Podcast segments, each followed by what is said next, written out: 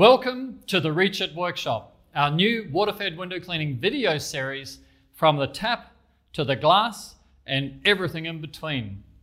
These topics are all going to be available in video on YouTube, on our podcast channel, and as a PDF for your operating procedures and training manuals.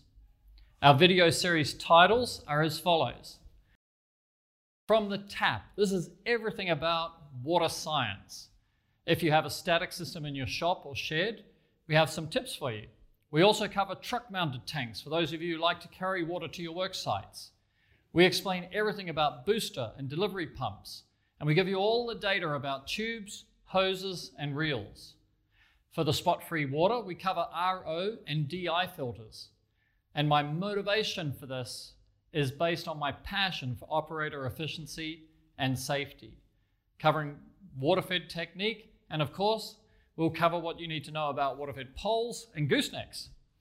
And the tool that actually cleans the glass and delivers incredible efficiency, water-fed brushes.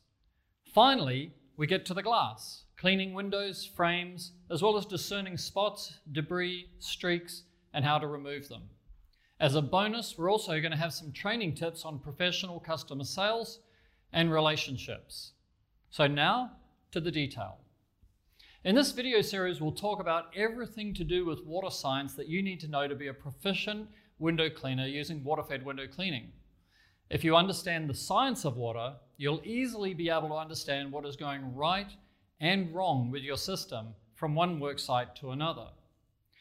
To understand hoses, tubes, pumps, and filters, I'll cover the technical and scientific knowledge about the effect of pressure, resistance, and gravity on your fluid dynamic system and the effect of temperature on water for the ultimate goal of maximum flow rate at the brush. To understand how and why we filter water, I'll share technical knowledge about minerals in water and what makes water spot free, as well as the information about using TDS meters effectively. So you can understand the rinse phase of window cleaning better, I'll teach you about laminar flow and how to choose the best jet streams from your rinse bars. If you have a static system in your shop or shed so that you can carry water to your work site, there are some tricks of the trade. You can use it at your shop for filtration, water storage, and rapid transfer to the truck mounted tanks. So if you have truck mounted filtration and tanks, there are some options with pumps and reels that I'll share to improve your fluid dynamics, tank and pump choice on your truck mounted system. Regarding booster and delivery pumps, the sizing of pumps for the optimal flow rates makes a big difference to your system. For example, using a 5 gallon a minute pump for a half gallon per minute brush means four and a half gallons a minute are going nowhere except creating back pressure, meaning the pump will get hotter and therefore less efficient, and using more amps from your batteries as it tr- keeps trying to pump this 5 gallons a minute. Ultimately, the pump will start cycling based on the pressure settings. This video series is a lot of physics, however, we keep it simple and deal with it step by step so you can understand it clearly.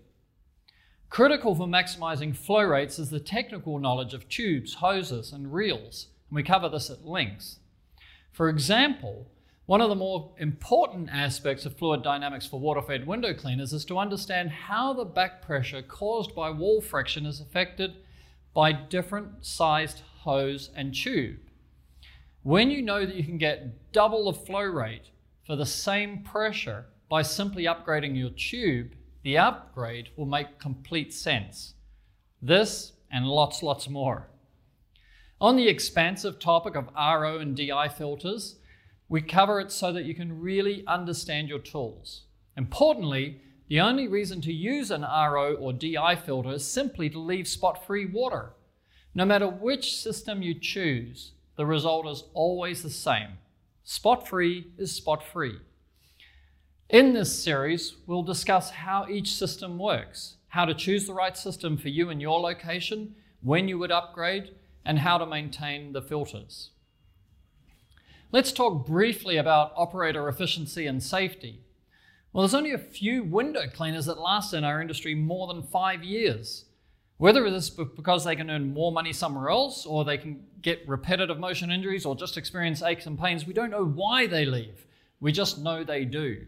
So, this video series addresses all the issues of water fed efficiency to earn more and aspects of water fed safety to hurt less.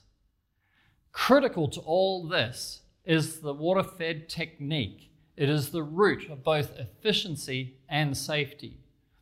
Efficiency is the foundation of cleaning windows faster, and cleaning windows faster means a higher hourly rate, a more profitable business, and the chance to pay your operators more. It all comes down to technique. Let's face it, if you use an efficient tool with an inefficient technique, you'll not clean windows faster. This series of videos is critical to training your operator staff.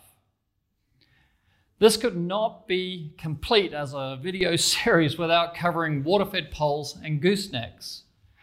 Our industry calls our tools water-fed poles because for 50 years the brush and the pole were integral. We would rarely change the brush. However, the pole cannot clean glass.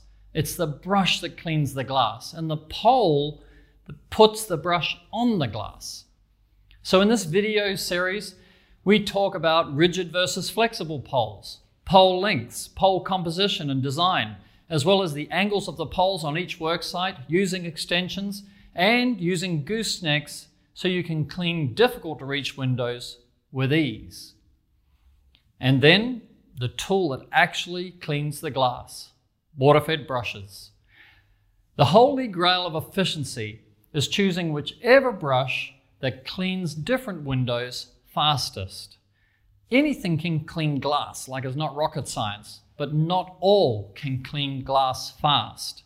If you really want to increase your alley rate, you need to understand every aspect of the window cleaning brush. It all comes down to the two principles of agitation and rinse, and we'll cover all of this in this series of videos. Then finally, we get to the glass. What's happening on the windows and the frames? Well, the target of the water-fed brush is to clean glass. The function is to return the glass to its original invisibility or transparency. Therefore, our task is the removal of different debris from the glass. What is the fastest way to clean this window versus another window? What removes pollution, bee poo, artillery fungus, stickers, and sticker residue, and ultimately even removing paint overspray with a water fed brush. Often the window frames also need to be cleaned for a happy customer, so we teach you the best ergonomic and efficient techniques for that. This video series is where we'll talk about different types of glass, sizes and treatments, and which brush can clean fastest. You are our customer. However, without your customer, we don't have anything. So we pass on valuable aspects of customer sales and relations. You know that selling water fed window cleaning over traditional tools is really easy if you have a good script, a small demonstration, and a guarantee.